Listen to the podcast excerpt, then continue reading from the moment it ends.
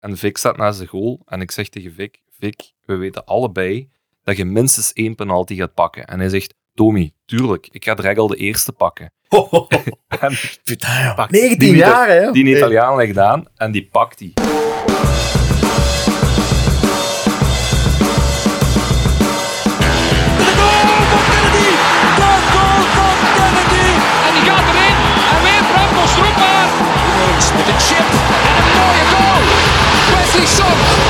Een formidabel doelpunt. Larry. Ja hoor. Ja hoor. Jeff Taylor. De paal denk ik. Op het hoofd van Zokora. Een bombardement. En Genk blijft overeind. Samatta. Het is 3-1 voor Racing Genk. Ondanks een van de meest onverdiende nederlagen sinds lang en net te laat voor Valentijn, zitten wij opnieuw op post om onze liefde voor alles wat met Genk te maken heeft te verklaren. Zelfs het nieuwe Monopoly-spel van KRC zetten we graag in de kijker. Wat heeft onze aflevering nog in petto, vraagt u. Antwerp zette meteen zijn hotel neer op de Meer en buiten één doelpunt eh, was hun voetbal vooral gratis parking. Jammer, maar de voorsprong op de vrienden uit Sint-Gilles blijven overeind. Op transfer deadline day deed Paul Onuachu het algemeen fonds rinkelen en snoepte Dimi onze grote vriend Tea-Time weg van, eh, ja, aan het Brusselse Zuidstation. En wat te zeggen van de remonte van Jong Genk. Ze trokken een kanskaart en haalden sinds de jaarwisseling 7 op 12.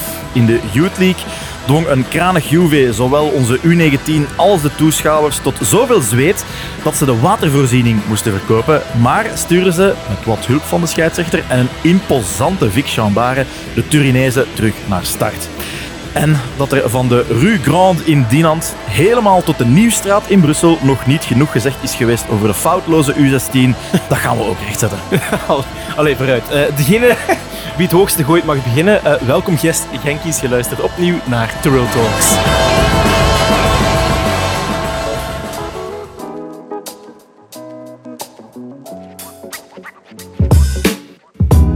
En ik ga beginnen met te zeggen, dat is de beste intro dat ik ooit heb geschreven. Goed, daar heb je echt wel het monopolie op, hè? Voilà. Maar we hebben ook Monopoly op twee fantastische panelgasten. Wim, Hallo? welkom terug. En Domi, Dominique, Goedenavond. welkom terug. Het feit dat jij hier terug zit, is echt wel een teken dat je warm verwelkomd bent geweest, hè? Ja, niet normaal. Durf niet meer in de shopping eh, lopen. Mensen klampen me aan, vragen... Oh, nee, is niet waar. Wel- Wel leuke reacties gehad. Wel, inderdaad, heel leuke reacties gehad. Eh, ja, ze waren unaniem lovend over, eh, over, over Dome. In het algemeen kregen we wel één puntje van kritiek. Was bij de vorige aflevering dat we het vaak iets te veel eens waren met elkaar. Dus ik ga de bal terugkaatsen. Zijn jullie het daarmee eens? Totaal niet.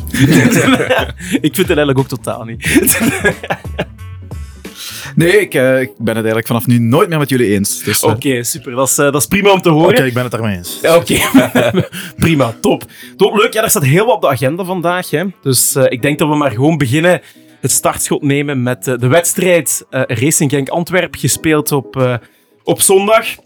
Eh, heren, ik ga eens eh, vragen aan jullie, hoe hebben jullie het beleefd? Jammerlijk verlies. Eh, ja, je kijkt in mijn richting, dus ik zal ik van, eh, van wal steken. Het was, ik was blij om terug op de staantribune te staan na de unieke ervaring op de, op de Forza-seats. Eh, het was druk, maar niet on, ongezellig druk. Ik denk ook niet dat 100% uitverkocht was, maar toch wel gezellig, eh, gezellig vol. Maar ja, speltechnisch, ik vond dat er echt niks mis was met onze spelopvatting en hoe dat we de wedstrijd begonnen zijn. En allee, dat we heel de wedstrijd hebben gespeeld. Eh, wat mij vooral opviel, is dat het sterke middenveld van eh Antwerp, ook zonder Stenks moeten we erbij zeggen, maar ook ja, met Menne Vermeer, die op 18-jarige leeftijd heel veel naar zich toe kan trekken. Ja, die raakte geen bal. Allee, die raakte wel bal, maar hè, kreeg geen, eh, kreeg geen voet aan, aan, de grond.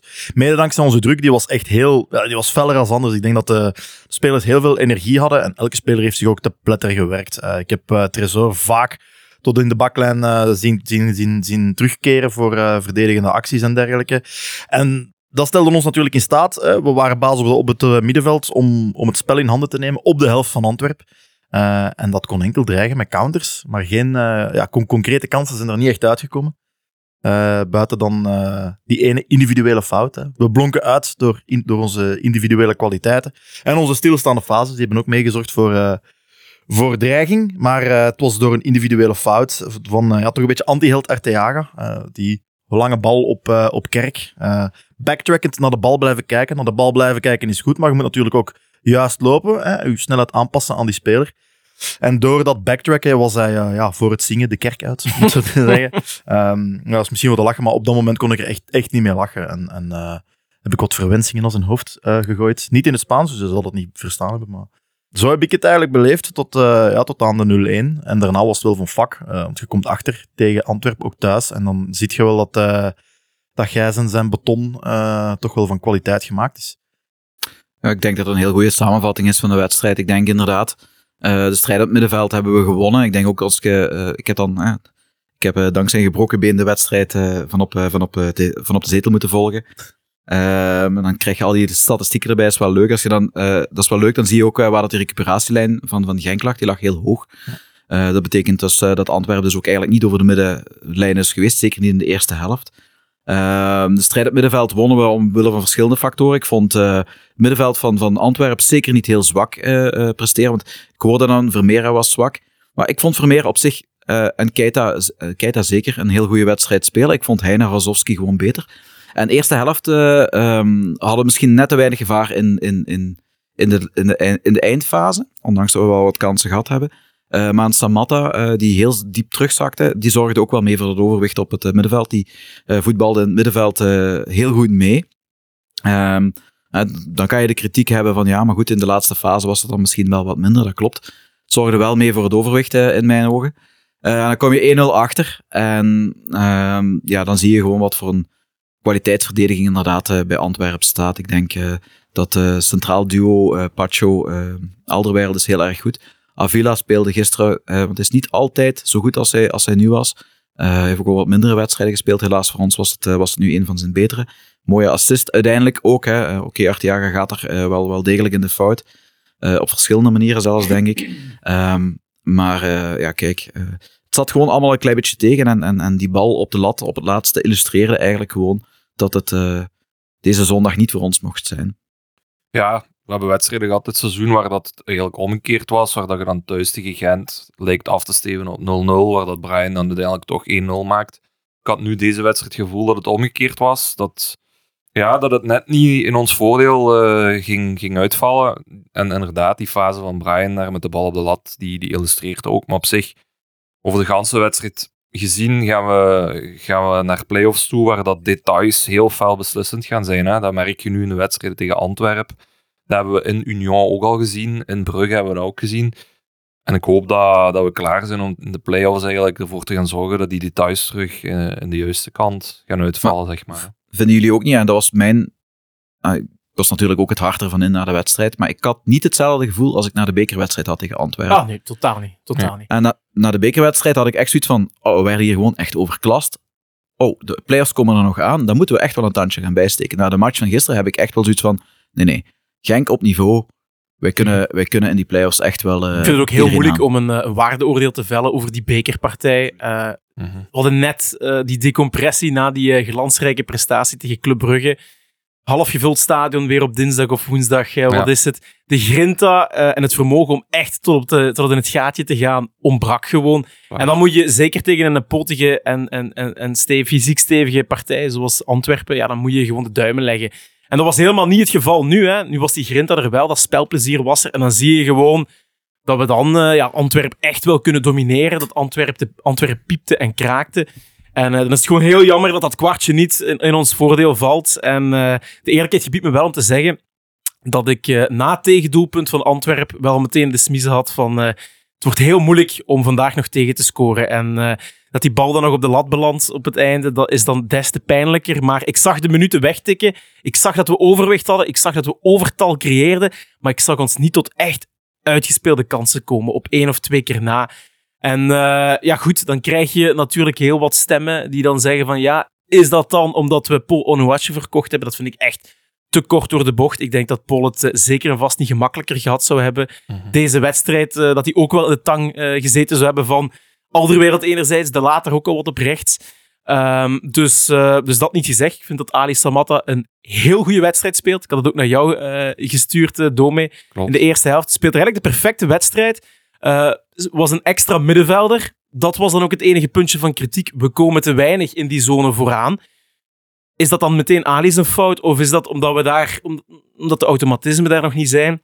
Om er dan onderuit te voetballen, dat is een andere zaak. Maar hij ik weet niet, hij ging zijn man voorbij. Hij trok overal gaten. Hij was defensief goed. En dan ja, was het bobijntje af in de, in de tweede helft. En komt Tolu in. En, ja, had ik wel iets van... We geraken wel iets meer van voor. Maar dan was die balvastheid er ineens niet meer. Dus, dus ik weet niet. Dus uh, voor mij speelde Ali wel, wel een heel goede partij. En maak ik me weinig zorgen. Het is nu gewoon van... Ja, de efficiëntie moet even omhoog. Uh, onze Ja. aanvallende spelers moeten terug, terug Ik had wel zoiets van het moment dat eh Tolo inkwam, hadden we meer presence in de 16. Ondanks dat, wij, dat we geen kansen meer gehad hebben, maar ik had nu wel, er ging opeens meer dreiging vanuit. En ik zeg ja, inderdaad, ik zeg Samatta was, ik vond hem heel flux inderdaad. Hij is een paar Mhm. keer eh, eh, heel mooi eh, wat mannetjes voorbij gegaan. Ehm, maar het leverde misschien in de eindfase net te weinig op. Ik denk wel dat Samatta in, in, in, in nog heel veel wedstrijden belangrijk voor ons kan zijn en nuttig voor ons kan Mhm. zijn. Maar ik denk tegen dit soort tegenstanders dat we meer gaan hebben aan, eh, aan onze nieuwe aankoop dan, eh, dan aan Ja, omdat- Ali. Omdat Antwerpen ook gewoon laag speelt. Als Mhm. Ali is voor mij persoonlijk het op zijn best als hij wat meer ruimte heeft. Als je vanuit misschien meer de reactie kunt gaan voetballen. Ik denk dat Ali zijn kwaliteiten daar misschien iets meer liggen. Je zegt, ja, hij trekt ruimte, zit en dat. Dat klopt. Hij, is daar heel sterk in. Maar ja, Antwerpen stond zo laag dat het heel moeilijk was om, om die ruimte in en rond de 16 te gaan vinden. Ik denk ja, dat we dan inderdaad, je merkte wel toen eh, onze nieuwe targetspits opkwam, dat het wel anders voelde. Het was meteen iets meer slagkracht in de 16. Je tuig ook die kopbal, waar dat je echt goed voor zijn man komt. Oké, was niet gekadreerd, maar ja, Samatta is gewoon een ander type spits. Eh, en het is goed dat we beide type spitsen in de kern hebben. Alleen, ja, op dit moment is het even zoeken nog, denk ik, ook voor de ploeg van ja, de andere speelstijl. Paul uh, Onuachu weg, Samatta in de plaats. Ja, is gewoon een ander profiel. Dus eh, ik denk niet dat we Ali moeten afrekenen op het feit dat hij nog niet gescoord heeft. Ik denk dat hij wel zeker nog belangrijk zal zijn dit Het, seizoen. het- allee, het is ook natuurlijk wel heel moeilijk. Hè. Het is zijn tweede of derde basisplaats en dan meteen tegen Antwerpen. Hè, voor Ja. de eerste keer thuis. Er zijn dankbare taken. Ik denk, wa- was dit een wedstrijd thuis tegen Serijn, dan kon hij echt gewoon vertrouwen putten. Als hij dan speelde, zoals hij speelde tegen Antwerpen, Ja. dan had een goaltje er zeker in gezeten. En dan keken we ook weer met een heel ander gevoel misschien naar de efficiëntie binnen de wedstrijd. Dus ehm, Had, eh, met vijf dribbles heeft, heeft hij de meeste dribbles, suc- succesvolle dribbles gedaan van, eh, van de hele wedstrijd. Eh, de tweede was met drie dribbles Joske Painstil. Dus om maar te zeggen, inderdaad, energie, veel lopen, veel eh, gaten trekken heeft hij zeker gedaan. En eh, dreiging in de lucht. Hij heeft evenveel kopduels gewonnen als Tolu. Oké, op langere termijn natuurlijk wel. op, op een langere tijdspanne, maar toch. Heeft zeker zijn wedstrijd gespeeld. Hè, en ik zou het graag met jullie oneens zijn, knipoog, knipoog. Maar ik denk niet dat wij een probleem Samatta hebben. Echt niet. Nee, maar ik denk wel, ik vermoed dat hij niet start vrijdag. Ik denk dat Franke gaat doordurven eh, wisselen deze keer. Ik denk net tegen Mechelen dat je wel best met Samatta kan starten, omdat er dan wel ruimte in de, in de rug van de verdediging gaat liggen. Het is gewoon op de manier waarop dat de voer speelt. Meestal mid-blok, dat is weer mijn buzzword. Eh, maar dan gaat er ruimte liggen in de, in de rug en daar kan Samatta van profiteren. Maar ja, Tolo is ook geen tragen, hebben we gezien. Ik ben dus, wel eh, benieuwd hoe de Voer vrijdag tegen ons gaat spelen, want hij kent natuurlijk het systeem hoe dat Wouter wil voetbal. Hij wil dominant spelen op de Mhm. helft van de tegenstander. Dus met het ontbreken van en Schoofs en Verstraten, denk ik persoonlijk wel dat vrijdag de Voer gaat zeggen van het Genk maar komen en we gaan Mhm. proberen via Storm uit de omschakeling Genk Sowieso, pijn te doen. sowieso ja, ja, ja. Ik denk, eh eender waar dat we gaan, eh, buiten misschien op Brugge, op, eh, op Union, dat men op de, op de, op de counter gaat loeren. Ja. Dus sowieso, maar nogmaals, ja, ik denk dat er toch wel, gezien de spelprincipes van de voer, durf ik nog, eh, ja, je past er niet zomaar aan, hè, hoe hoog je een verdedigende lijn zet en waar dat je pressing triggers zet. Denk dat er sowieso ruimte gaat, gaat, gaat zitten. Oké, hoe dan ook, denk ik minuten voor, voor Ali vrijdag. Dat zou toch wel minstens mogen. Van mij mag, Ja. hij, mag hij nog steeds in de basis staan, want hij heeft gewoon een goede wedstrijd gespeeld. Alleen het goaltje ontbreekt en daarop wordt een spits zal, dan het zal sowieso een eh, 60-30 verhouding worden tegen Mechelen. Dus iemand speelt 60 minuten en, en de andere maakt het laatste half Mhm. uur vol. Dat is een beetje, denk ik, de, de methode van Wouter Franke. Dus eh, ze gaan beide wel eh, hun minuten krijgen. Maar het is en blijft nu wel, eh, wel een heel cruciale wedstrijd. Hè. Ja. Mechelen, want er zijn, kunnen we misschien bepaalde lessen trekken ook uit de heenwedstrijd. Toch ook redelijk moeilijk gehad. We swingden toen, we scoorden vlot. Maar ik denk tegen 10 man stonden we toen. Eh, hebben pas echt op het einde van de wedstrijd het verschil kunnen Ja. maken. Die bevrijdende treffer kunnen scoren. Dus toen had de Voer zijn mannetjes ook al goed gezet. Hè. Nu Mhm. natuurlijk met onder meer onderbre- on- het ontbreken van Schoofs. Moeten ze wel een kwaliteiten, maar goed, ze spelen daar toch thuis. En ze hebben wel een, eh, een heel leuke eh, thuisreputatie opgebouwd tegen Racing Genk. Dus ik zou, niet, ik zou er niet te gemakkelijk van uitgaan dat het, eh, dat het, eh, het kan een bakje wordt. Hebben ze echt een thuisreputatie tegen ons? Ja, Vroeger wel- wel, maar tegenwoordig toch iets minder. Hè? als, ik het, als ik kijk gewoon op, op, op de laatste tien jaar. eh, Nee, maar ik, ik, We hebben daar al even niet meer verloren. nee, ik heb die cijfers inderdaad laatst ook gezien. Want ik, ik had hetzelfde gedacht als jou. Ik denk ook, oh, Mechelen away, altijd moeilijk. En ehm, iemand sprak me daarop aan en die zei, nee, nee, maar de laatste jaren hebben wij eh, daar meestal gewonnen. En het klopt Mhm. ook, denk ik. Ik denk dat we dat er eens even moeten gaan bijhalen. bij deze kan het de vuilbak in. eh, Wim. Dus Ik eh, weet nog, toen ik op, op school zat in Mechelen, zijn we daar een paar keer gaan verliezen. Maar ik denk, onze laatste verlieswedstrijd op Mechelen, dateert toch al wel van, eh, van even geleden. Ja, ik ben tra transfermarkt as we speak aan het opengooien, maar gaat iets te traag. Eh, het internet hier, maar eh, nee. eh, ik denk niet dat er eh, echt een, eh, van een zwart beest sprake is. Maar ja, toch, je hebt natuurlijk gasten like Storm Hermans, eh, die daar eh, nog steeds rondlopen. Ja, ik denk, Schoofs, het gemis van Schoofs gaat echt wel een, een grote zijn. Verstraten ook. Verstraten, eh, Ver- Verstraten ook al. Peter Verstraten heeft ook Ehm, veel druk op de bal. Dus ik denk, Ja. met het ontbreken van die twee spelers, als ze, dat gaan ze op middenveld toch voelen. Ja, Daar ben ik wel zeker van. Ja, en- ik denk het ook. Hij ging iets zeggen en toen ik, stopte ben, het. ik, ben het, ik, ben het, ik ben het kwijt. Ja. Ja, Ja, nee. Maar kijk, allee, voor, ehm, als we vooruitkijken naar, eh, naar Mechelen, Paintil zou ook niet kunnen meespelen omwille van zijn schouder. Scan was positief. eh, het is niet te erg. Gewoon Girasor droppen en laten gaan. Zou ik wel De logische vervanging. was het geen, van, ik vond het niet echt een geweldige invalbeurt eh, tegen, tegen, tegen Het was Antwerpen. niet zoals tegen Gent. Nee. Het was niet zoals tegen Gent.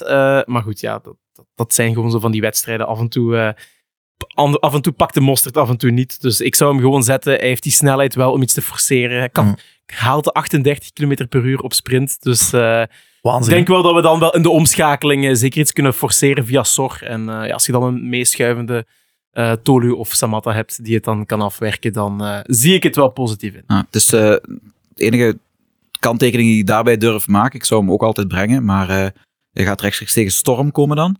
En het is, eh, het is net zijn terugverdedigen wat, eh, wat, wat nog wel wat te wensen overlaat. En daar eh, wordt hij onder de wedstrijd, werd hij onder de wedstrijd meermaals door gecoacht. Eh hij is een paar keer, nu tegen Antwerpen niet, maar de keer ervoor was hij een aantal keer ook zeer kwaad geworden op, op, op dus ik denk dat hij daar nog wel wat lessen te trekken heeft nu. Maar misschien, als hij mag starten, dat hij mis- misschien minder die geldingsdrang heeft om zich aanvallend te bewijzen, dat, dat, dat hij die principes misschien iets beter hanteert.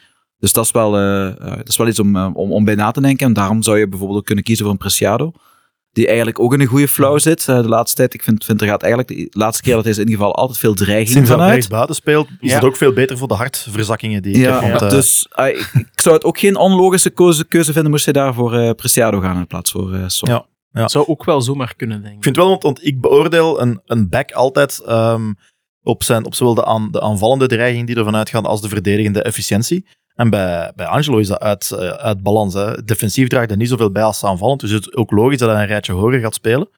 Eh, en ik moet zeggen, inderdaad, sinds hij op de rechtsbuiten staat, val, allee, tegen- valt hij goed in. Heavy in tegen Gent en hij dacht van, oh my god.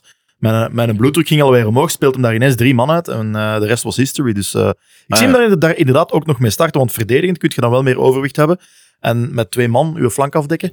Alleen het resultaat is, ja, de hele tijd op en aflopen, dat gaat hij geen 90 minuten volhouden. Nee, en dan heb je, dus, dan heb je hier een soort. Dus ik, ik, ik, ik, eh, dat was mijn gedacht. Maar eh, Ik vermoed eerder dat het zoiets zal zijn. eh Preciado voor eh, misschien iets meer de principes. En dan Ik was het met u oneens, maar je hebt me wel over overtuigd. Dus hoe kan ik hier het oneens zijn met iemand? Nou, Het is hier niet de zevende dag. dat is waar.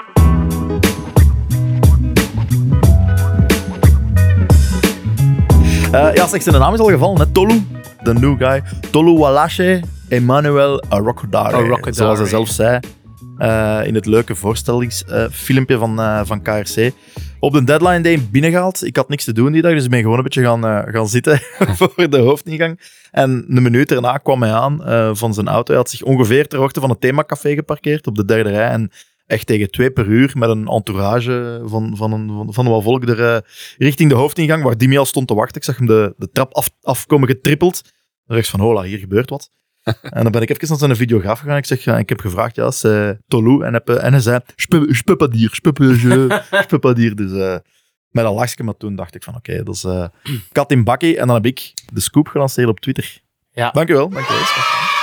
Top. De, de Niels Poissonnier van uh, Midlimburg. Alleen dat ik nog meer fa- favoritisme heb voor mijn favoriete club. Nee, ploeg, niet club. Ploeg.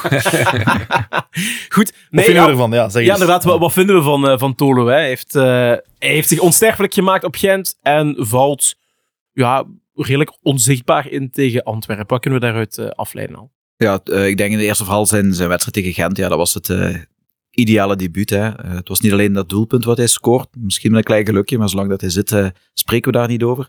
Eh, maar het was vooral het kaatsen. Het was echt, eh, het was net of we met, Paul aan, met, met een goede Paul aan het spelen waren. Ehm, dus dat geeft, wel, dat geeft de burger wel moed. Leuk profiel, hè? Mhm. Gestalte. Heeft ook wel wat meer snelheid dan Paul, heb ik het gevoel. Mhm. Iets meer diepgang. Dus op zich, ja, om in balans te leggen met Ali, die dan toch iets meer de, de ruimtes Mhm. opzoekt, denk ik wel dat twee, twee goede spitsen zijn om in de kern te hebben. Dus ik ben er wel van overtuigd dat, dat hij het profiel is wat we zochten. Natuurlijk, als hij uiteindelijk evenveel eh furoren gaat maken als Paul, dat zal de tijd uitwijzen. Dat is een, een heel moeilijke voor hem, denk ik. De perceptie van het volk is van ja, het is de nieuwe Paul. Ja, nee, het is niet de nieuwe Paul, het is een ander speler. Ja. Dus ja, ik denk dat we hoop moeten hebben dat het even goed zal worden. Maar ja, als je de statistieken van Paul bekijkt, wordt dat natuurlijk wel een hele zware dobber. Maar het is wel een heel leuk profiel Ja. om, om in de kern te hebben. En iets wat we ook wel effectief nog nodig hadden. Dus het is goed dat ze dat, dat de sportieve cel, zeg maar, met Dimi op kop, dat bes- ja, beseft heeft. Ja. En uiteindelijk erin Ik- geslaagd is om hem naar Genk te halen. Ik denk uiteindelijk, als je zijn profiel bekijkt, het, het- hij vinkt alle boxjes aan. Hij is groot, hij is sterk. eh, hij scoort in, eh, in League 2, wat toch ook wel een heel moeilijke competitie is, eh, verdedigend. Blijkbaar. Denk ik, eh, eh, acht keren had hij, had, hij, had hij daar gescoord bij eh, Amiens, wat, wat nu ook niet eh, een topploeg is. Dat is, dat is een goede middenmotor eh, in, in, in de League 2. eh, League 2. Mhm. Dus eh, weet je, het zit er allemaal wel goed. Hij is explosief, eh, hij is vrij snel voor zijn lengte. Ehm, hij, is, hij heeft blijkbaar ook een heel grote eh, wil om, om zich te verbeteren. En, en dus eh, dat, komt, eh, dat, dat ziet er allemaal heel erg goed uit. Je weet natuurlijk nooit hoe dat het eh, kan hij, kijkt- hij kijkt wel op naar Lukaku. Dus, eh, zie je gene- gelijkenissen of niet? Zijn eerste controle is beter. Inderdaad. Hij is ook veel, eh, bena- veel meer benaderbaar op Twitter en op Instagram, blijkbaar. Hè? Ja. Ja. Ja, Dommy, jij zat dichter bij de spelersgroep. Heb je al een gesprek mee kunnen voeren? Niet echt persoonlijk, nee. Eh, na Gent wel, ja, toen eh, een foto gemaakt voor het bezoekersvak Mhm. nog. Eh even mee gepraat, maar niks specifiek of zo. Nee, Maar Ik heb wel het gevoel dat hij heel veel met sociale media bezig is, dat wel. Wat Ja. zeg je dan op zo'n op zo'n moment, als hij de matchwinnaar is en, en, en hij staat er te goed en hij maakt een foto met de, met de goalscorers en zo? Ja, gewoon feliciteren Ja. en echt blij zijn voor hem, want dat was natuurlijk echt wel chic. Eh, Ja. je, je voelde van, ja, dat is hier het ideale debuut. Be- ja, een betere teambuilding kun je bij manier van spreken niet hebben. Dus eh, ja, die kerel was super gelukkig, super fier ook dat hij die goal had gemaakt. Hij vroeg meteen de foto's. Ik zeg, oh, Ja. kalm, Ja. zo snel. We zijn in Limburg. Ja. Zijn een beetje kalm gast. Nee, nee, maar Ja. wel ja, vriendelijke kerel. Ja. Maar wel heel actief eh, bezig met sociale media, denk ik. Had je zelf het gevoel, hè, na die geweldige invalbeurt van eh Tolu op Gent, dat dat inderdaad iets deed met de groep ook? Want ik kan me wel inbeelden, ja, als je net Paul kwijt zit op deadline day, Mhm. dat misschien ja, dat gevoel dat je toch kampioen speelt, misschien een lichte knauw krijgt en dan valt hij zo in en scoort hij die goal, dat misschien dat je wel voelde van dat de spelersgroep meteen respect had voor... eh, Ja, je voor voelde dat wel. Dat Ja. En iedereen was ook zo heel opgelucht van... Maar het is toch een moeilijke verplaatsing hè, op Mhm. AA-Gent. Eh, dan uiteindelijk kom je dan, komen ze dan nog terug tot 2-3. Ja, je voelde wel dat, dat, dat de vibe goed zat, zal ik zeggen. Mhm. Ja, dat was wel heel duidelijk. minuten geven, vertrouwen geven. En eh, we weten misschien weer meer eh, tegen Mechelen. Geloof ik. Weet eh, iemand trouwens waar dat die tea time voor staat? Ja. Eh, allee, ik weet het echt, maar ik weet niet of dat ook een woordmop in is of niet. Nee, nee, nee het, is, het is echt... Want veel luisteraars gaan dat niet weten. Ik vond dat wel een interessante, maar ik ga het u laten uitspreken. Het zijn de initialen van Tolu Wallace Emmanuel Arokodare, T-E-A, T. Zo eigenlijk, hè? Of is het Tita Tovenaar? Nee, klopt. nee. Maar ik had al veel reacties gekregen. Wat staat hij er altijd zo, zo thee te drinken? Ja. maar goed, bij deze luisteraars geïnformeerd. Ja. Voilà, leuke bijdrage. Ik ben het daarmee eens, oei. Oh. Ja, volgende man nog op de agenda staat Jong Genk. Die hebben 7 op 12 gehaald en eigenlijk een beetje zuurstof eh, aan hun seizoen gegeven. Eh, we, hebben ze, ja, we hebben ze niet meer zoveel, zoveel besproken op de podcast, omdat eh, ik had gewoon geen kas meer over om, om op te fretten na het bekijken van al hun wedstrijden. Ehm, maar ja, kijk, sinds de winterstop hebben ze het wel mooi, eh, mooi om, omgedraaid met overwinningen op Dender en recent nog op Virton. En dan thuis, tussen aanhalingstekens thuis, gelijk tegen Bever, wat ook niet de makkelijkste plaats was om te gaan winnen. En dan nipt verloren op Beerschot, eigenlijk het klassieke Jong Genk verhaal, dat ze het op het einde uit, eh, uit handen gaven. Maar dus overwinning op Virton, super belangrijk. Prachtige goal van Victory Ja. Benyangba was Amai. echt, echt heel Dat is een manier voor uw victory te behalen natuurlijk. Dat is, hè. eh, Mooi gekapt, lekkere draai. Die draai en dan die afwerking met links, schoon, schotje, keeper kon er helemaal niet aan.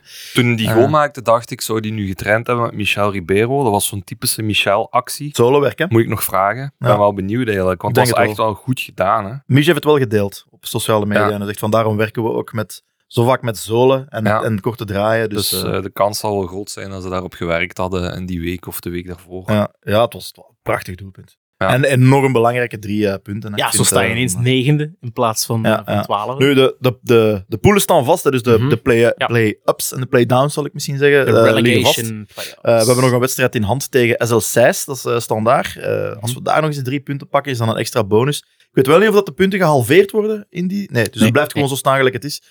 Staan we er eigenlijk al wel vrij goed voor. Eh, Als we winnen, dan is de kloof al acht punten Ja. op vier ton. Dus dan moet het echt al heel fout lopen. Dat is ook zo. En als je ziet, na de winterstop pakken we 7 op 12. Maar het had eigenlijk, als de wedstrijden al in de 80ste minuut werden afgefloten, had het 12 op 12 geweest. Ja. We geven op Beveren 1-2... voor- Allee, de thuiswedstrijd tegen Beveren, maar het was eigenlijk op verplaatsing. Geven we die, die, die 1-2 voorsprong nog weg. Ja. Wordt er 2-2. En een beerschot staan we 1-2 voor. Krijgt Dario eigenlijk een heel goede kans voor 1-3 te maken. En je verliest nog 3-2. Ja. Dus eigenlijk die vijf verliespunten, dat hadden er even goed ja, 12 kunnen zijn. Of en dan zei iedereen op van... Virton, op Virton ook uiteindelijk hadden we het ook nog uit handen kunnen geven. waren Ja. voor een beetje mirakel. En Mike Penders, die heel goed, heel goed stond te keepen. Eh Eén keer met een beenveeg en één keer echt heel goed naar de grond ging. Bij een kopbal die naar de grond ging. Ja. Eh, op Maar het einde hebben we daar echt wel nog Ik een vond, paar ik vond vooral heel erg, tegen Beerschot voelde ik het aankomen. Tegen Beerschot zaten wij eh, met vrienden eh, voor de tv en we hadden, het, eh, we hadden het opstaan en ik zeg, daar gaat hij nog mislopen. Je voelde, er was paniek en, en, en, en, dat ging, en tegen Virtual had ik dat gevoel niet. Tegen Virtual had ik zoiets van, oké, eh, Mike pakt daar inderdaad eh, eh, prachtig en eh, er, is, er zijn nog een paar goede interventies geweest. Maar ik vond dat er wel rust in de verdediging zat, ondanks dat er heel veel druk van Virtual was. Hm. Dus ik denk wel dat dat, is ze ook daar... kwaliteitsverschil ook, hè, tussen Virton en Beerschot. Ja, Virtual, eh, eh, maar ja, Virtual heeft wel eh, aardig wat bijgekocht. Hè? Dus eh, daar, zit redelijk, daar is redelijk wat eh, ervaring bij Boyo gekomen. loopt daar rond, hè? Ja. Ik weet niet of je dat weet, maar... Ja. Die, die hebben zes of zeven transfers gedaan. Hè? En, en- Ja. en de meeste allemaal met de eerste klasse ervaring. Ja, ja. Dus eh, ik, ik weet niet. Ik, ik denk dat ze bij Virtual, ik denk dat vooral SL6 het heel erg moeilijk gaat hebben. Nog om zich, om zich te redden. Staan die nu trouwens ook niet laatste? Eh, voorlaatste. is het. Virtuos Virton 14 punten, SL 6, 6 18. points, 18. En wij 19. Oké. Dus, eh, maar ik denk dat, eh, ik denk dat eh, het vooral aan de Maas, eh, tenzij dat die tegen ons de wedstrijd, inhaalwedstrijd eh, kunnen winnen, dat ze het daar heel erg zwaar gaan krijgen. Want die zitten in een negatieve lijn en ik vind eh Jong Genkies, We komen eruit wel, hè. de lijn is stijgende. Ja. Eh, we mogen niet vergeten dat we voor de winterstop ook wel een aantal keren echt wel heel erg veel pech gehad Toch, hebben. Ook op, op RWDM, dat was ook heel frustrerend. en Eh, op Dender op de Op. Ja. Die komen twee keer aan de goal, twee kopgolen. Ja. Ja. En op Dender was ook niet denderend. eh. Mm. Nee, Ja. inderdaad. Dus eh, ik heb alle... Alle op Dender hebben ze gewonnen. Ah. nee. E- Ene keer gewonnen, ene keer verloren. Ze Ja. hebben gespeeld meerdere keren natuurlijk tegen elkaar. Ja. Eh, maar kijk, Operatie Redding, eh, als we het zo mogen noemen. hè, want dat is, klinkt, klinkt misschien een beetje denigrerend, maar ja. Eh, het is wel van levensbelang dat we erin blijven met, eh, met Jong. En ik denk de exponenten van de wederopstanding, ik ga er een paar opsommen. En jullie moeten maar zeggen of je het eens bent met mij of niet. Maar Bangura springt er van mij echt eh, tussen. Ik Al denk een dat heel hij seizoen ook wel, hè. Is echt hij wel zit- klaar hij is om, echt wel bij de betere. echt wel klaar om de overstap te maken. Ehm, JD. Ook zonder JD op Virton hebben we het over de streep gehad. Maar JD is zo belangrijk. Is zo, zoveel rust. Je merkt dat hij qua, qua visie ehm, een pak matuurder is dan de rest op het middenveld. Dat is patroon, hè. Dat is Ja. echt de patroon. En als je dan eh, de, een Didi Light erachter hebt met Banguga, Ja. Bangura, Ja. Dan, eh, dan heb je heel sterk middenveld. Ja. Dus eh, ja, Eh, ik zie het inderdaad ook wel Ja. rooskleurig in. En dan een beetje eh, gekleurd door mijn gekleurde bril, maar eh Camille van de Perre. Eh, technisch niet altijd even gelukkig. hè. Soms een slecht paasje waarvoor hij dan wordt afgekraakt eh, op bepaalde online eh, media. maar eh, ik vind verdedigend, je zet er nooit, nooit, nooit mee klaar. Die gaat zich blijven kapot lopen, die gaat hard Dat blijven moet, werken. dat moet verschrikkelijk zijn om tegen Camille te voetballen. Dat is niet te geloven. Hè? Die zit de hele tijd op u. Ik vergelijk hem altijd een beetje, maar ik weet niet of je hem kent. Hij heeft nog bij Athletic Club gespeeld, Mikel San José. Ja. Eh, ik, vind, ik, ver, ik vergelijk hem daarmee. Hij lijkt er ook een klein beetje op. Zelfde type speler, zelfde positie, ook dat bijten. Ehm, en dit jaar, ik heb de indruk dat hij ook zo wat meer gegroeid is qua leider. Want hij was, daar komen we straks nog toe, bij de U19 was hij de, de kapitein. Eh, maakt ook van zijn attack. Hij, eh, hij stuurt de spelers aan. Hij, hij roept. Ja, ik vind, dat is het type speler dat ik heel graag heb. Qua, heeft, eh, zowel qua profiel als qua Wat persoonlijkheid. hij ook zeker heeft, is spelintelligentie. En dat, dat maakt hem ook wel sterk. Dat niet opgeven en op de juiste momenten de juiste dingen doen. Het was in de, in de, in de Youth League zeker dat hij, of, of tegen Virton, nu weet ik niet meer, waar hij op het juiste moment ehm, lucide genoeg was om die bal nog even wat verder te tikken, waardoor dat de hele verdediging ehm, de tijd had om mee op te schuiven. Dat zijn van die kleine zaken. Eh, dat zou logisch moeten zijn als je profvoetballer wilt worden, maar niet iedereen heeft dat. Zeker niet in het heet van de strijd. Mhm. En hij heeft dat wel, dus ik zie het Ja, wel. maar komen. sommige jongens zijn echt wat stappen aan het zetten op vlak van maturiteit. Maar wat we vooral niet mogen vergeten, want dat is een discussie die ik vaak ook met vrienden heb, die zeggen dan, ja, jong Genk, die doen het niet goed dit seizoen. Maar heel veel jongens speelden vorig jaar gewoon U18 voetbal. Ja. Dus dat is niet eens belofte. Eh, laat staan dat dat prof- professioneel voetbal is. eh, tegen clubs gelijk Beerschot, RWDM en zo, met heel veel eerste klasse ervaring. Gelijk Wim net ook zei, Virton, die halen daar een heel, een heel pak eh, eerste klasse ervaren spelers binnen. Ehm, gemiddelde leeftijd van Virton, ik had het ook even opgezocht, was afgelopen weekend 27 jaar. Die van ons waren er gemiddeld 20. Hm. Dus ja, we mogen dat zeker niet vergeten. En jongens vind ik wel dat stappen aan het zetten zijn. Gelijk Camille, gelijk Bangura, Ik gelijk ook, Tuur. ik, vind, ik vind ook wel, we hebben nooit zo'n patroon gehad, zoals bijvoorbeeld David Hubert bij de Futures. We hebben nooit echt een ervaren rot gehad die meegedraaid heeft. Op, op de keer dat de baas heeft meegedaan, misschien na.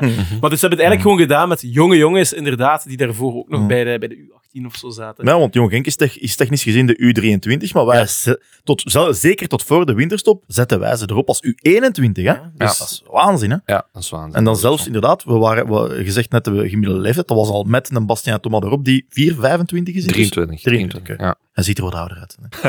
En als we Ehm, dan misschien... Ja, Ik wil nog één, Ja, ik wil nog een paar jongens wel toelichten, want ik weet dat sommige van die jongens ook luisteren en ik wil er niemand vergeten, maar sinds Amin eh, terug is, et Taibi, Ja. staat het van achter wel echt als een huis. Hè. Hij, was, hij bleek echt van achter toch wel de, de missende schakel te zijn. Het verhaal Daan Dirks is niet aan het lopen. Eh, Dommy, we hebben het er ook nog over gehad op de, op die, op die jeugdmatch. We keken er allemaal enorm naar uit. Ik denk Daan eh, in het minste zeker ook. En, en ja, het is, het is toch wat moeilijker gebleken. Het is toch een, een, een, een, een stijlere opdracht gebleken dan verwacht. Hè? Ja, Voor ik heb, het gevoel ook, ik heb het gevoel ook, maar ja, moeilijk om te verklaren hoe dat eigenlijk komt. Maar wat wel vaststaat is dat inderdaad sinds Amin terug is, dat we wel merken dat de verdediging iets meer stabiliteit en rust uitstraalt.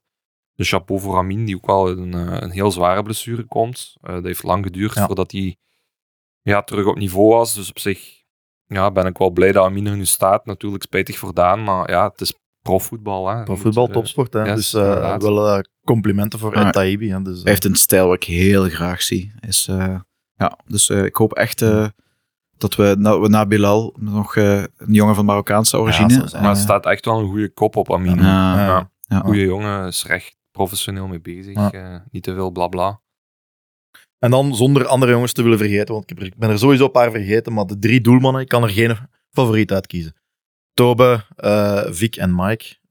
Ik- eh, Mike vorige wedstrijd tegen Virton uitstekend. Tobe is misschien ja, is de, is de oudste van de drie, de meest mature van de drie. Lijkt mij ook het dichtst. Van mij, als Maarten vertrekt in de zomer, mocht je Tobe smijten. Ik geloof 100% in Tobe. Ik weet niet of jullie het met mij eens zijn of niet. En dan had je Vic. En voor Vic ga ik straks nog een liefdesbrief voorlezen. Want die heeft ook nog iets anders gedaan deze week. Dus ja, die drie keepers, ja, het is niet normaal. Het, is, het is bijna een, vanzelfsprekend dat het allemaal toptalenten zijn. En, ja, het is ook gewoon zo. Ze bewijzen het ook als ze, als ze tussen de palen staan. En dat is niet gemakkelijk, hè, want je staat op het einde in zo'n schietkraam. Eh, je kunt het verschil maken, maar je moet er ook wel toe geraken. En ja, dat is, eh, ik ben echt, echt onder de indruk van die drie ze- het zegt ook wat over onze keeperschool. Hè? De reputatie die we op dat vlak hebben opgebouwd. Hè? Niet alleen Courtois, Kasteels, noem maar op. Ehm, dus ik, er is gewoon een zekere methodiek. Een, eh, een, een Racing Genk school op vlak van, van keepers. En eh, ja, je kan dat gewoon blijven voortzetten. En eh, je, je plukt die spelers wel. Je, je, gaat, die, je gaat die modelleren op, op, op, op vlak van zoals je die wilt hebben. En eh, ik ben er zeker van dat we ook in de toekomst weer van die jonge talenten gaan zien die, onze, die onze clubkleuren gaan verdedigen. Ja, want het goede nieuws is eh, dat er ook nog heel wat goede keepers aankomen. Bij U16, U15, U14. Dat is ongelooflijk als je er naar gaat kijken. Daar staan jongens in de goal dat je denkt van, ja, wow. Eh, en het is jaar na jaar opnieuw dat ze de juiste jongens vinden bij clubs gelijk eh, Vic Chambare op zijn twaalfde van Kortrijk naar Genk gekomen. Ja, chapeau voor, voor de keepertrainers, maar ook voor de scouting om uiteindelijk die jongens naar Genk te halen. Ja. En het gaat blijven duren, want Koen Witters, ik was het aan het opzoeken, ik wou het er nog even toe zeggen, wordt manager goalkeepers Ja. bij KRC Genk. Opnieuw, ik weet niet wat dat beinhoudt en wat die mensen allemaal gaat doen, maar ze zijn er echt wel mee bezig. Is dat misschien al de, de nakende erfenis van Guy Martens die eraan komt? Want ja, Guy Martens heeft een beetje invloed op, eh, op de jeugd, maar dat zou dan ten eerste een Giroud eh, tekort aan doen en alle keeperstrainers die daaronder staan. Gilbert ook bedoeld. G- eh, Gilbert, ja, Gir- Giroud is die van uh, Auxerre. Yes. Ja. Eh, Gilbert Roux bedoel ik, ja. Dus eh, Ja, Genk heeft een jaar of twee, drie geleden, denk ik, ondertussen eigenlijk vacature, allee, een, een soort keepersacademie opgericht voor keeperstrainers, eh, waar heel wat keeperstrainers mochten voor op solliciteren. Bijvoorbeeld Logan Bailly had er ook op gesolliciteerd, om uiteindelijk eh, bij, de jeugdwerking in de, s- of bij onze jeugdwerking aan de slag te kunnen gaan. Ehm, ze hebben heel wat mensen bij aangetrokken, keeperstrainers, die echt heel individueel met de keepers bezig zijn. Ehm, dus vroeger had je eigenlijk ja, maar twee of drie keeperstrainers bij de jeugd. Ondertussen ik durf er geen getallen plakken, maar dat zijn er misschien ondertussen al zes, zeven, acht geworden. En wat ook chic is om te zien, eh, als ik zaterdag op de academie ben, maak dan mijn foto's. En ik bewerk mijn foto's altijd in hetzelfde lokaal als waar de keepers na de wedstrijd meteen hun keepersanalyse krijgen. Dus wat gebeurt? Die wedstrijden worden gefilmd. De keeperstrainers en de videoanalisten die capteren die wedstrijd en die halen daar de fases meteen uit. Wedstrijd is gedaan, keeper gaat douchen, keeper komt naar boven in de videoanalysezaal en die wedstrijd wordt meteen geanalyseerd. Dus meteen gaan die keeperstrainer al zeggen van kijk, in deze fase stond je goed, in deze fase is misschien deze keuze beter geweest en die gaan meteen een debat met die keepers. Dat is ook geen monoloog, die keepers mogen zelf een mening geven. Dus dat is eigenlijk echt wel chic om te zien hoe professioneel dat, dat Genk daar eigenlijk mee bezig is. En het resultaat daarvan zien we eigenlijk ja, bij elke wedstrijd die Genk speelt. Hè. ja, jaar na jaar. Je ziet Mhm. het verschil letterlijk. Hè? De, als je naar de website gaat kijken van de KRC Genk jeugdopleiding, ziet je de U8 en dan de, de teamfoto van de U9. En ik denk pas vanaf de pas, al vanaf de U10 eh, staat er ineens een pak meer technische staf bij. Hebben de keepers ook hun eigen pakjes aan en dergelijke. Ik denk dat het van dan, vanaf dan is zeker dat ze echt beginnen. Ja, klopt. Is dat dan ook dat ze Bij met de die videobeelden al starten? Bij of, de eh? onderbouw hebben ze geen vaste keepers. Hè? Ja.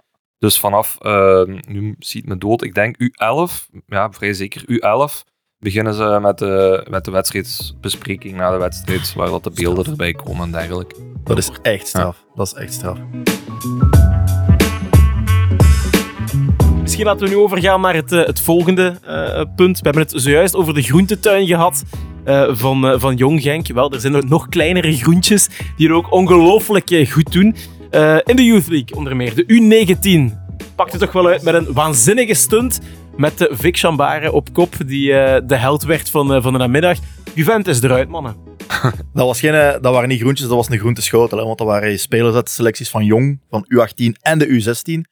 En toch was het precies als- alsof ze al jaren samen spelen. Dat vind ik voornamelijk... In wedstrijdcontext. Want ze, Ja. ze, ze trainen geregeld wel samen, maar echt in wedstrijdcontext. Zo'n topmatch spelen, zo'n automatisme. Ik, ik, ik kan dat niet geloven. Ik kan dat echt niet geloven. Nee. Hoe goed dat, dat is. Dus Ja, ik, ik zeg, als je, de, als je de wedstrijd bekijkt en gaat er nuchter naar kijken, ga je zeggen, Juventus was beter, had misschien meer verdiend dan dat ze gekregen hadden. Goed, dat gaat als Genk supporter even vergeten.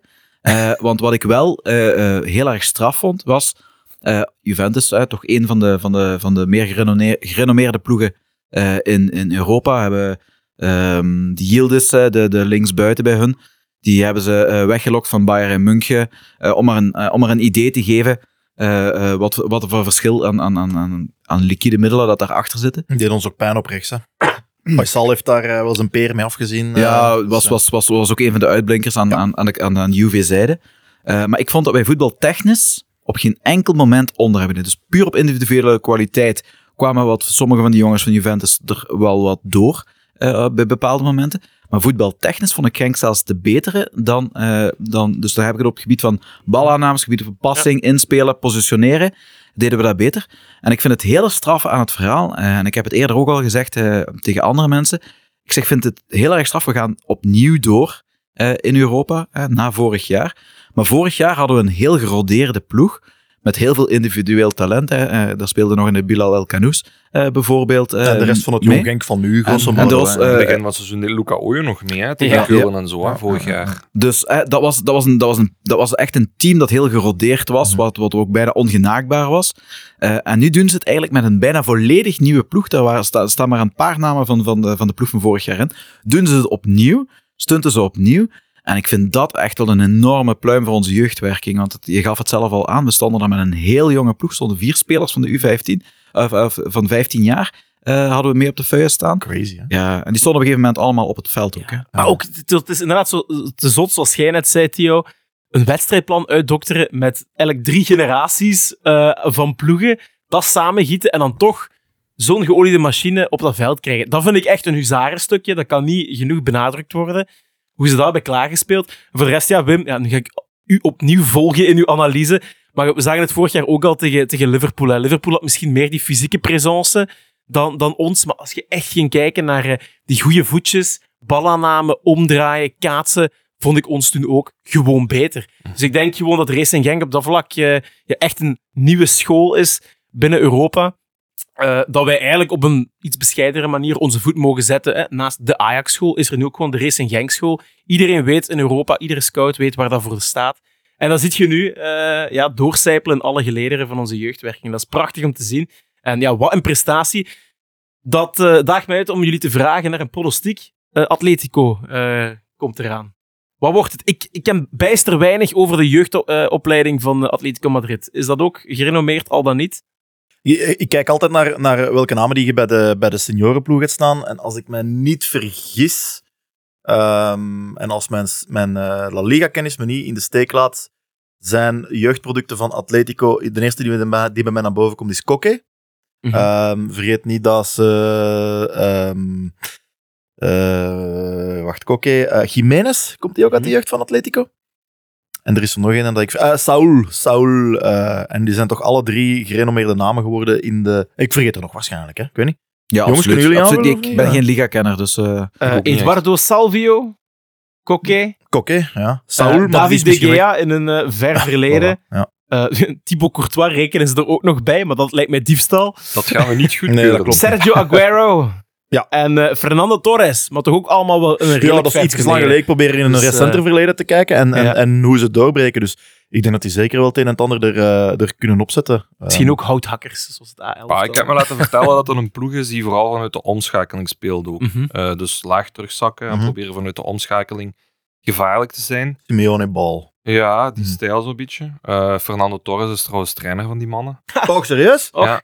Crazy. Amai. Dus Fernando komt naar Genk. Ja, Nee, het is wij, gaan, Het is op. wij, wij gaan Het naar enkel. Fernando. Maar Jij ja, ook? Gaat jij mee? ik hoop dat ik mee mag. Ik denk het wel. Dat zou wel leuk zijn, hè? Ehm, maar ja, ik heb me laten vertellen dat er een ploeg is die, die, die vanuit een strakke organisatie speelt. Mhm. Maar ze hebben wel in de, in de Champions League groepsfase vijf van hun zes wedstrijden gewonnen. Eentje verloren tegen Brugge in eigen huis. En dat was niet de laatste wedstrijd, het was de vierde wedstrijd of zo. Dus op zich, als Brugge er tegen kan winnen, dan denk ik dat wij ook wel zeker ehm, ja, geen schrik moeten hebben om naar daar te gaan. Naar daar te gaan. Het zal alleen afhangen van ja, welke jongens kunnen meedoen. Hè. Van Jong Genk gaan er jongens mee eh, naar, naar Spanje mogen gaan afreizen en dergelijke. Maar als we met onze beste ploeg kunnen spelen, dan Ja, zie ik ons zeker wel eh, Inderdaad, kans ja. maken. Hoor. Bruggen is er gaan winnen en ja, het speelde thuis ook nog tegen Atletico. Daar werd het wel 1-3, maar een wedstrijd met eh, twee Heel- rode kaarten. ja, dus eh, dat is nooit echt een, een referentie. Hun, eh, hun selectie eh, speelt ook in de Segunda Federación Grupo 5. En dat is Lau, het equivalent van... Kom aan, is Spanje, het man. vi- Vierde klas? Correct. Vierde, Ja, klas, eh, vierde klas is daar ingedeeld in heel dus, veel groepen. Dus dat is bij. Hercules, CF en... En ze staan daar tweede. Dus allee, dat is niet helemaal die selectie, dat is U23. Maar ik vermoed dat er ook wel een paar jongens van de U23 eh, Ja. die, er, eh, allee, dat, dat, die er wel bij gaan zitten. Eh, ik ken er geen enkele van. Ik heb, eh, ik heb het voor mij staan. Ja, waarschijnlijk gaan ze ook niet allemaal erin staan. Dus als ik de topscorers bekijk, staan er wel een paar. Staan er wel een paar tussen, maar dat zijn ook wel jongens van 2021. En ik weet niet hoe de regels zitten, de selectieregels in de, in de Youth League.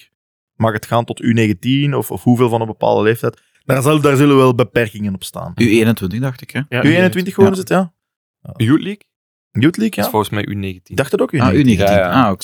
Omdat we communiceren ook altijd onze U19, dus ik denk dat het U19 is. Ah, En hun gemiddelde leeftijd had ik gezien in de laatste wedstrijd van een basisploeg was 18,2.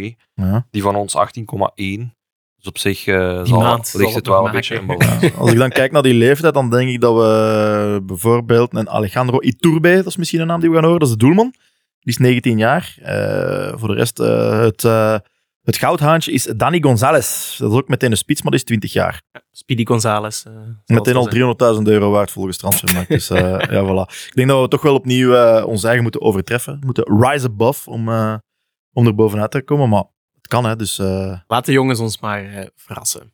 Ik wil ook nog, ja, met een liefdesbrief voor Vic Chambard. Ja, Ik heb echt niet echt een liefdesbrief geschreven, maar ik heb... eh allee, hebben jullie eigenlijk gekeken naar de shootout? Of, een- of, of, een samenvatting van de shootout? Ik stond achter de goal. Hij stond achter de goal, ja. Hij werd bijna geraakt. Ik, het, was zo, het was zo spannend dat ik hem eens niet heb gezien. Dat was grappig. Die, ik, ik wandel achter de goal door en ehm, even denken. Camille ging aanleggen voor de eerste penalty te pakken en Vic staat naast de goal. En ik zeg tegen Vic, Vic, we weten allebei dat je minstens één penalty gaat pakken. En hij zegt, Tommy, tuurlijk, ik ga direct al de eerste pakken. En Putain, ja. Pak. 19 Die jaar, hè. die Hey. Italiaan legt aan en die pakt die. Dat was, ja, ik vond dat echt, echt chic kicken.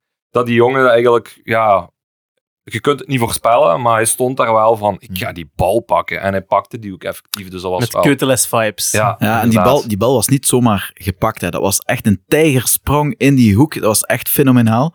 En eh, wat heel mooi voor de mensen die de beelden nog eens gaan terugkijken. Er is één man die met gebalde vuist eh, naast Vic Cha- eh, Chambare aan het roepen is.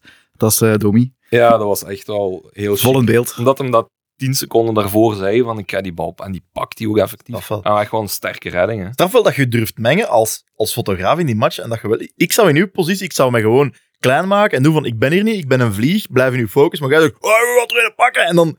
Merk je ineens dat die Je kent die ook, hè. barst van het vertrouwen. Ja, maar toch. Dat ja, is, dat met is toch- Vic persoonlijk heb ik wel altijd een goede band gehad. Ja. eh, al bij de jeugd. Omdat ik heb wel respect voor jongens die van West-Vlaanderen of Oost-Vlaanderen naar hier komen. In Limburg als 12, 13-jarigen. Dat zijn er steeds meer en meer. Ja, bij Michiel Kouwel, die nu bij de, bij de U16 uitblinkt. eh, ook een heel groot talent. Hetzelfde. Ja, die jongen komt van Gent naar hier in een internaat. Eh, ja, doe het maar. Hè. Dus met Vic altijd al een goede band gehad. Eh, en, en het speciale was ook die wedstrijd. Ehm, voor de wedstrijd stonden we samen. En Vic zei, ja, mijn mama komt vandaag kijken. En zijn mama had eh, in het ziekenhuis gelegen met ja, een redelijk serieus kwaal aan haar, aan haar hart, blijkbaar. Eh, en die was voor de eerste keer uit het ziekenhuis en kwam voor de eerste keer kijken. En hij zei, ik ga vandaag de nul houden en zorgen dat we de kwalificatie gaan binnenhalen voor mama. En hij deed dat, dus dat was wel, ja, echt wel chic eh, om te Ja. zien, zeg maar. Heb jij gehoord wat hem allemaal zei? Want daar was veel om veel om te doen. Hij is daar bijna viraal mee gegaan. Ik heb hem op, op eh, Twitter een paar keer eh, verdedigd. Dat mensen zeiden, oh, dit kan toch niet? En ik zeg van ja, als eh, Emiliano Martinez van Argentinië het doet, is hij een genie. En als Vic Chambare van Genk het doet, mag het niet. Maar ik heb Stop het gehoord, weg. was totaal, het was niet onbeleefd. Het was niet dat hij die aan het uitscheiden was of zo. Het was gewoon? Van, ja, eh, why don't you look at me, look at me, look at me. I know where you're going to shoot. Zo, krijg, daar dat soort kieken- ik krijg daar kippenvel van, ja, van zo'n ding. Echt waar. Ah, dat, dat doet je toch gewoon een beetje zoals Duda vroeger ook. Ja, ik weet niet, je hebt toch heel veel... Je hebt, je hebt gelijk, ik weet niet meer welke keeper dat het was. Er, er- ik denk...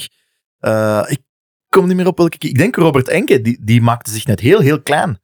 Mhm. Omdat ik dacht van ja, dan, dan, dan groeit het vertrouwen van ah ja, ik kan, ik kan misschien scoren om dan wel... Nu, ik weet wel niet of dat een, een 11 meter specialist was of niet, maar ja. Maar er heeft laatst nog iemand zo een WK gewonnen. Hè? Dus, eh, ja, absoluut. Ja. Absoluut. Ja, ik- ik ook gewoon Dudek vroeger, hè. Eh, Ja. Ook zo gewoon helemaal aan de andere Ja. kant. De- gestaan. Dat is gewoon echt van die, van die mind ja, dat waren mannen van 30 jaar, terwijl zo'n Ja. kerelke van 19... Allee, kerelke, hij is, hij is een halve kop groter als mij. Dat is toch wel, dat is toch wel straf dat die... Ja, dat je zo bulkt van het vertrouwen en zegt van ja, why don't you look at me? Ik heb wel één ding gehoord je wel, dat hij zegt tegen... Ik weet niet, hij spreekt ene aan met de naam en zegt I know, I know, I know. Yildiz, en dan, Yildiz. Yildiz, ja. Ja. Yildiz, I know, I know. Ja. En dan, ja, dankzij zijn hand komt hem tegen de paal en dan, en dan gaan ze door. Dat is Ja. gewoon, dat is een, een droom als doelman gewoon. Ja, absoluut. Dus, hij eh, raakt die nog. Ah, dat had ik hij zelfs niet gezien. nog, denk ik. Ja, ja, allee, we kunnen het hem vragen en hij zal zeggen, ja, ik raak die, maar we zullen ervan uitgaan dat, dat hij hem raakt. voor mij raakte hem dan. Ja, hij heeft hem gewoon geraakt. Eh, hij staat als een paal. Dus ja, Vic, eh, van, een andere, van een andere planeet.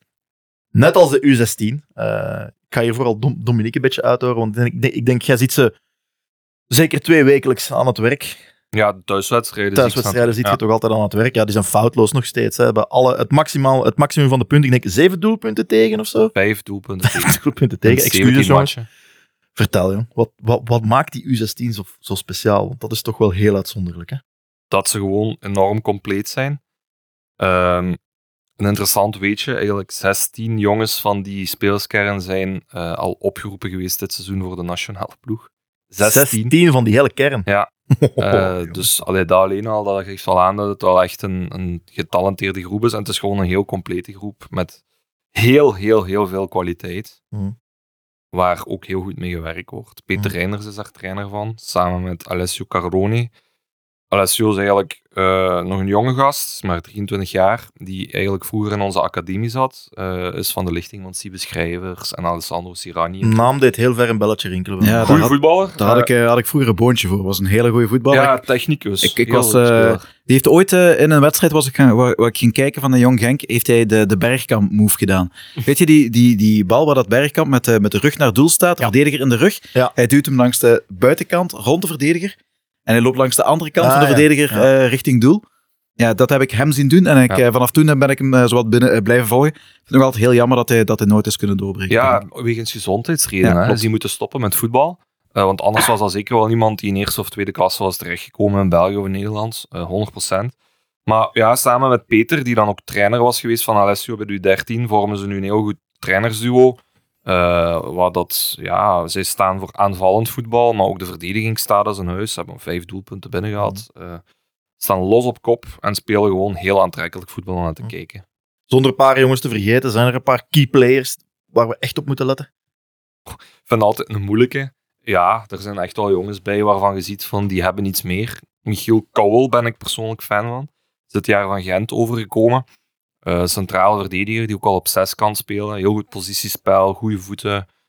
Slimme kerel. Echt, ja, leidersfiguur ook. Eh, vind ik echt wel een heel groot talent. Maar eigenlijk ja, doe ik de andere jongens tekort door ze niet te noemen. Want zoals ik zei, het is een heel complete groep. Die hele generatie aan zich ook. Hè. Als we zien dat van Cedric Nuodzi is van hetzelfde geboortejaar als veel van die jongens. Ja, en die zit eigenlijk al bij Jong Genk. Hij heeft ook in de spits gespeeld met de U19. Eh, Ik ben niet 100% zeker dat eh, Cedric dezelfde leeftijd heeft. Want eh, is die van hetzelfde jaar? U16 is 2007 en ik denk dat Cedric van 2006 is. Ah ja, het zal misschien een jaartje verschillen, ja. Ja, Ja. en op, op dat niveau maakt dat natuurlijk wel een grote verschil uit, maar toch. Ze zijn daar iets ineen aan het steken, Ja, hè, die absoluut. zaken. En dan ook, je hebt Peter Reinders vernoemd. Ehm, je hebt mij ook verteld van dat hij toch, dat, hij- dat zijn belang, zijn invloed ook zeker niet te onderschatten valt. Ja, er zijn heel veel jongens. Als je bijvoorbeeld met Siebe Schrijvers, als hij in Genk komt shotten eh, voor de wedstrijd, even praten, dit en dat. Als je dan vraagt, wie is uw beste jeugdtrainer? Ja, Peter Reinders. Je krijgt gewoon heel vaak hem als antwoord op de vraag wie is de beste die je ooit gehad hebt. Mhm. Ook hier, we gaan de andere jeugdtrainers niks tekort doen. Nee. Maar het is wel een trainer die, die heel veel kwaliteiten heeft en die jongens echt beter maakt. Mhm. Vroeger trainde die de U13. Mhm. Is dan naar Canada gegaan. Een jaartje of twee jaartjes OHL. En nu terug bij ons. En eh, ja, ze, ze hebben dan beslist om hem de U16 te geven en doet hij gewoon heel goed. Ik heb ook de indruk dat dat zo'n cruciale, zo, eigenlijk zo de, de, de laatste fork in the road is. Hè? De U16, waar je echt als speler voor jezelf weet, maar ook zelf de invloed eh, erop kunt hebben en kunt uitmaken van oké, ga ik er echt voor gaan en ga ik voor het profvoetbal of ga ik toch eerder richting studies en andere zaken en blijft, wordt het voetbal eh, Ja, iets, waar. op de, iets wat een beetje op de, op de zit. Plus Dus, ook de leeftijd dat de jongere keuzes maken als ze bij de club blijven of niet. Ja. Eh, dan lijkt me ook geen slechte keuze om eh, uw beste coach eh, bij die leeftijd te zetten. Eh, dat eh, doet ook vermoeden van, eh, van, van, van, kijk, dit hebben we in Genk en dit is moeilijk eh, elders te krijgen. Dus Ja, en U16 is eigenlijk de leeftijd waar dat spelers 16 jaar worden. En vanaf 16 jaar hebben ze de kans om een profcontract te, te tekenen. Eh, dus heel veel jongens die, die bij de U16 spelen, ja, die hebben al een contract getekend of gaan er eentje tekenen op het moment dat ze 16 worden. Dus ja, dat is echt wel een cruciale leeftijd geworden, hè, de U16. Mhm. Ja. ja, absoluut, absoluut. Ik denk dat we nog altijd niet, niet voldoende hebben gepraat om, om wat er allemaal gebeurt op die academie voldoende aan het lucht te brengen. Want ik heb precies, eh, ik heb precies de indruk dat we er nog niet alles van hebben. Dat we nog steeds maar het tipje van de ijsberg hebben gezien. ervan. Ja, dan is er nog één ding. Ehm, voordat we de aflevering eh, afronden. Gent is te koop gezet. En we gaan niet eh, pretenderen dat wij een eh, Gent-podcast zijn. Maar ja, de, de, de club staat te koop en er zijn angsten over wie dat komt overnemen en dergelijke. En ik kijk dan altijd in eigen boezem. Ik heb iets van... ah, ik ben toch content dat wij dat niet voor hebben als VZW. Maar dan zie je natuurlijk Dimi in een interview met het... ik weet niet of het met Belang was of met Laatste Nieuws of met de Standaard zeggen van... Ja, maar om te kunnen battelen met die consortia uit het buitenland moeten we toch wel dat eens allemaal herbekijken. Enfin, het model komt onder druk te staan. Hoe kijken jullie naar, eh, zonder echt eh, te veel in detail te treden, hoe kijken jullie naar ons Ja, VZW-statuut? Ja, je hebt enerzijds het VZW-statuut hè, en dan anderzijds eh, het sportief beleid dat we daaraan vastkoppelen. Hè. Dat is natuurlijk ook heel belangrijk. Hè, dat echt die filosofie van de kaart van de jeugd trekken veel marge halen op, op doorverkoop. En dan is het wel waar wat Dimitri de Condé zegt. Hè. Het zijn natuurlijk ja, de, de, de ploegen uit de Big Five eh, die alle jonge talenten beginnen aankopen, dure contracten geven eh, en echt eh, ja, hun spelers dan beginnen stallen bij, bij subtoppers en kleinere ploegen. En dat, dat zorgt ervoor dat die prijzen natuurlijk echt omhoog schieten. Hè? Dat het heel moeilijk wordt voor ons om tegen een relatief laag budget ja, die jongens binnen te halen, enerzijds. En ten tweede ook, ja, die scoutingsystemen van die topclubs zijn zo geraffineerd. Dus het wordt ook steeds moeilijker om ergens op een berg in Bolivie net dat ene eh, toptalent te gaan halen tegen een heel laag bedrag. Dus ook dat, hè, dat scoutingsystemen, al de apparaten die komen kijken, ja, waar die topclubs eh, op, de beschikking over hebben. Dus dat maakt het heel moeilijk om concurrentieel te zijn, te blijven. En ik denk wel dat Racing Genk, de sportieve cel, die, eh, die puzzel intern zal blijven leggen, daaraan gaat schaven. Maar ja, goed. Voor Dimitri de Condé is het natuurlijk ook gemakkelijker om te werken met nog net iets meer middelen. Hè. Dus dat VZW-statuut zal ooit wel onder druk komen te staan. Dan is gewoon de vraag, ja, voor wat kiezen? Ja, ik, ik denk vooral, ik snap, ik heb dat artikel ook gelezen, maar ik denk dat de keuze bij Genk niet ga- gaat, eh, gaat vallen, omdat het sportief bij de jeugd moeilijker is om spelers te gaan halen. Eh, ik denk vooral, eh, we hebben nu een, een, dading boven ons hoofd hangen, hè, waar dat, de, de fiscus nog wel wat geld voor ons vindt. Om lang verhaal kort te maken, we zijn een VZW, vereniging zonder eh, winst. eh, eh, Oogmerk. oogmerk. eh, en eh, wij betalen dus minder belastingen. Daar komt het op neer. En ehm, de fiscus zegt dus dat wij een oneigenlijke VZW zijn, dus dat wij wel een winstgevend bedrijf zijn. En dat wij wel wat moeten betalen. Dus dat is een claim van, eh, van om en bij de 10 miljoen, als ik me niet vergis, wat boven ons hoofd hangt. Dus eh, als het niet meer is. Ehm, dus eh, daar staat wel al een potje voor aan de kant, heb ik, me, heb ik me laten vertellen. Maar als we dat moeten gaan betalen, dan, dan valt eigenlijk ook het, groot, het laatste grote voordeel dat we hebben als VZW weg. En eh, dan is het misschien interessanter om naar een andere oplossing te gaan. En dan kom ik eigenlijk meteen tot het tweede punt, hè, wat je zei van eh, die VZW is me heel erg dierbaar. Die is mij ook heel erg dierbaar, omdat wij de laatste club zijn in, in België die echt ja, van, van iedereen is. Hè. Dat, is dat is het voordeel van een VZW. En dan kan je erover zeggen van hoe, hoe open is die VZW? Dat is, een, dat is een andere discussie die we vandaag niet gaan voeren. Mhm. Maar er bestaat tussen, eh, tussen een, het omvormen naar een NV, bestaan er ook nog wel andere tussenstappen. Mhm. En we zouden kunnen gaan evalueren naar, een- naar, een- naar een club, naar het Duits model, Mhm. waar er bijvoorbeeld eh, een vorm van aandelen uitgeschreven worden, waar het 51% van de Een aandelen... sociomodel. Ja, eh, eh, Maar altijd het een- sociomodel is nog iets anders. ja, Dus het 50 plus 1 model heet dat Ja. zeker. Eh, dus dat, dat, dat eh, de club eigenlijk altijd wel eh, nooit doorverkocht kan worden aan een, aan een oliesheik uit Saudi-Arabië die er eh, volledig eh, zijn ding mee doet, of een Red Bull die er eh, Red Bull Genk van maakt. Ehm, dus er bestaan... Huiver. Dus, de- de- van, dus dat zou dat wel kunnen tegengaan. En dan hebben we een aantal voordelen, wat we nu niet hebben. We hebben nu een hele mooie spaarboek. Hè. De cijfers zijn laatst van alle clubs eh, bekendgemaakt. Genk komt daar als tweede beste leerling uit de klas naar Club Brugge. En ik denk dat het gat achter ons heel erg groot is. Maar dat heeft ook te maken met het feit dat eh, wij die spaarpot nodig hebben. Wij kunnen nooit op het moment dat we het moeilijk hebben, like, kijk naar Anderlecht, Anderlecht stond ook positief in de cijfers, maar dat is omdat die 50 miljoen geïnjecteerd hebben via hun aandeelhouders. Mhm. En dat is iets wat Genk nooit kan doen. Als wij financiële middelen hebben, dan hebben we een probleem. Eh, financiële eh, noden hebben, dan hebben we een probleem. Wij kunnen nooit geen kapita kapitaalsinjecties doen zoals die club dat doen. Ehm, wat, wat andere clubs ook doen, is het geld wat ze op die spaarboek hebben staan, die investeren dat terug in, in, in, in stadion, in, in, in, in, eh, dat soort zaken, als ze, als ze dat slim aannemen, aanpakken. Dat levert bij ons op dit moment nog niet de meerwaarde op. Bij ons is het verstandig om dat op de, op de bank te hebben. Dus ik denk dat we, dat om die reden wel gaan evalueren naar iets anders. Je voelt dat ze, dat ze, dat ze het bestuur aan het zoeken zijn wat de goede optie daar is. Ik heb er wel geen schrik voor persoonlijk dat met de huidige bestuurskern dat we naar iets gaan waar dat we als supporter niet achter staan. Maar ik vind wel dat we daar zeker waakzaam voor moeten zijn. Dat, we, dat het zeker iets moet blijven. Club Genk moet van ons blijven. Dat, en ik kan nog heel even ook terugkomen op eh, hetgeen je zei over het, het aanwerven van spelers en dat dat onder de druk eh, gaat komen te staan. Ik denk wel dat Racing Genk op zichzelf wel een heel uniek project is geworden en ook eh, heel pedagogisch is voornamelijk naar jonge spelers toe. En als je in, zo, eh, ja, in die cirkel wordt opgenomen als kleine jonge speler bij Man City of zo, dan word je eigenlijk een beetje aan je lot overgenomen. Je bent op, op lot overgelaten. Je bent één van de zoveel spelers en het is aan jezelf om je te bewijzen en om je te doen manifesteren. En bij Racing Genk is dat niet. Wij bieden projecten aan, de hele omkadering. Oké, dat doen die clubs ook wel. Maar ook echt het traject dat uitgestippeld wordt, het actief meedenken, het uittekenen. Oké, naar deze club gaan wij je dan transfereren in die ketting als je die stap zet. Daar zijn wij veel actiever mee bezig. Ik denk dat op vlak van empathie misschien en communicatie, dat wij dan nog een streepje voor hebben op de verstandige, getalenteerde jonge speler.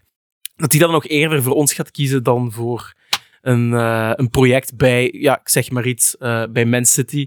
En dat hij dan niet weet waar die uitkomt. Ja, dat is iets gaan het traject van een, van een Bilal. Hè. Als dat jongens zijn die, de juist, die dezelfde waarden hebben als de club, Ja. dan kiezen ze ook ervoor om daar, om daar gewoon in te blijven. Ehm, De voorbeelden zijn ook- legio, hè. Dus, ja, dus- ja, maar het is, het is dat. hè. Zonder de jeugdopleiding waren we al geen VZW meer. Nee, Eh, dus daarom is die belangrijk en gaat die alleen maar belangrijker worden. En ik, en ik vind ook... eh, de, allee, ik, ben, ik ben persoonlijk een hele grote voorstander van de VZW. Omdat, ja, inderdaad, het is niet echt een open VZW. Ze zeggen wel, de club is van de supporters. Nee, de club is niet van de supporters. De club is van supporters. Niet van de supporters. Dat is een heel groot verschil. Inderdaad, een andere discussie. Maar eh, een van de Achilleshielen is dat we niet zo snel middelen kunnen mobiliseren. Als wij een NV waren, had het nieuw stadion waarschijnlijk al, al in de stijgers gestaan. Nu is dat niet het geval. Is dat een ramp? Nee, omdat we bij Genk wel inderdaad gewend zijn geworden aan een iets tragere vorm van ontwikkeling, een iets duurzamere ontwikkeling. Hè, we hebben nu het, ehm, pardon, het plan voor de, voor de nieuwe oefensite die er komt. Oké, we, gaan, we gaan eerst werken aan het oefencomplex aan de, aan de overkant. En dan komt er een stadionnetje bij voor Jong Genk en de ladies. En pas dan komt het stadion eh Maar dat, kun, effectief, dat eh, kun je, eh, ik wou het misschien iemand anders, in een apart vennootschap ook steken. Hè? Stadion. Ja, eh, dat is, ik denk dat dat zeker een, eh, Dus een dat optie is. een Maar dan, je, ja, maar dan haalt je wel een externe partij binnen. En dat is ook het grote, het, het, het grote vraagstuk als je van die VZW-structuur afstapt. Ja, er gaat natuurlijk... eh, ik denk dat er wel wat mensen in het bestuur zitten en in de algemene vergadering die kapitaalkrachtig genoeg zijn om een deel van die aandelen op zich te kopen. Maar je moet natuurlijk oppassen dat het niet te versplinterd wordt. Dat je club dan ineens van 120 mensen is, bij wijze van eh, spreken. Maar dat je de taart echt wel een beetje verdeelt. Maar iemand moet natuurlijk het meeste hebben. Dus ja, het 50 plus 1 verhaal is heel interessant. Maar ik heb me laten vertellen, om dat ook te zeggen, dat men dat bij KV Mechelen ook heeft geïnstalleerd en dat dat daar allesbehalve een succes is. Of ben ik... Ik heb niks van de interne keuken van KV? Mechelen. Eh, op papier oogt het alleszins mooi en ze dwepen er in Mechelen mee. Ja, Maar ik Ja, weet niet hoe het Ze zijn er nu van afgestapt. Hè. Ze, hebben nu, eh, ze hebben dat inderdaad jarenlang eh, volgehouden. En eh, er, is nu, ja, er is nu heel veel te doen geweest eh, binnen Mechelen.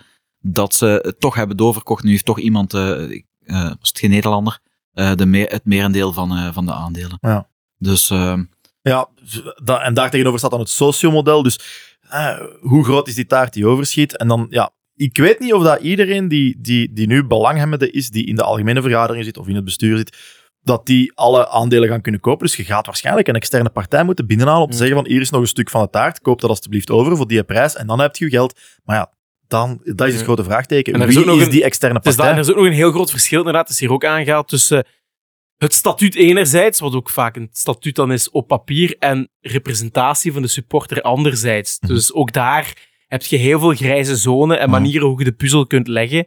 Ehm, dus ja, Ja, ik denk gewoon de werking, hè, enerzijds sportief, maar ook daarnaast hè, zaken zoals de jeugdwerking. Ik denk de Forza Foundation draagt daar ook haar steen bij dat we heel incont- on- incontournabel zijn in het sociale weefsel van de regio, maar misschien zelfs van heel het land.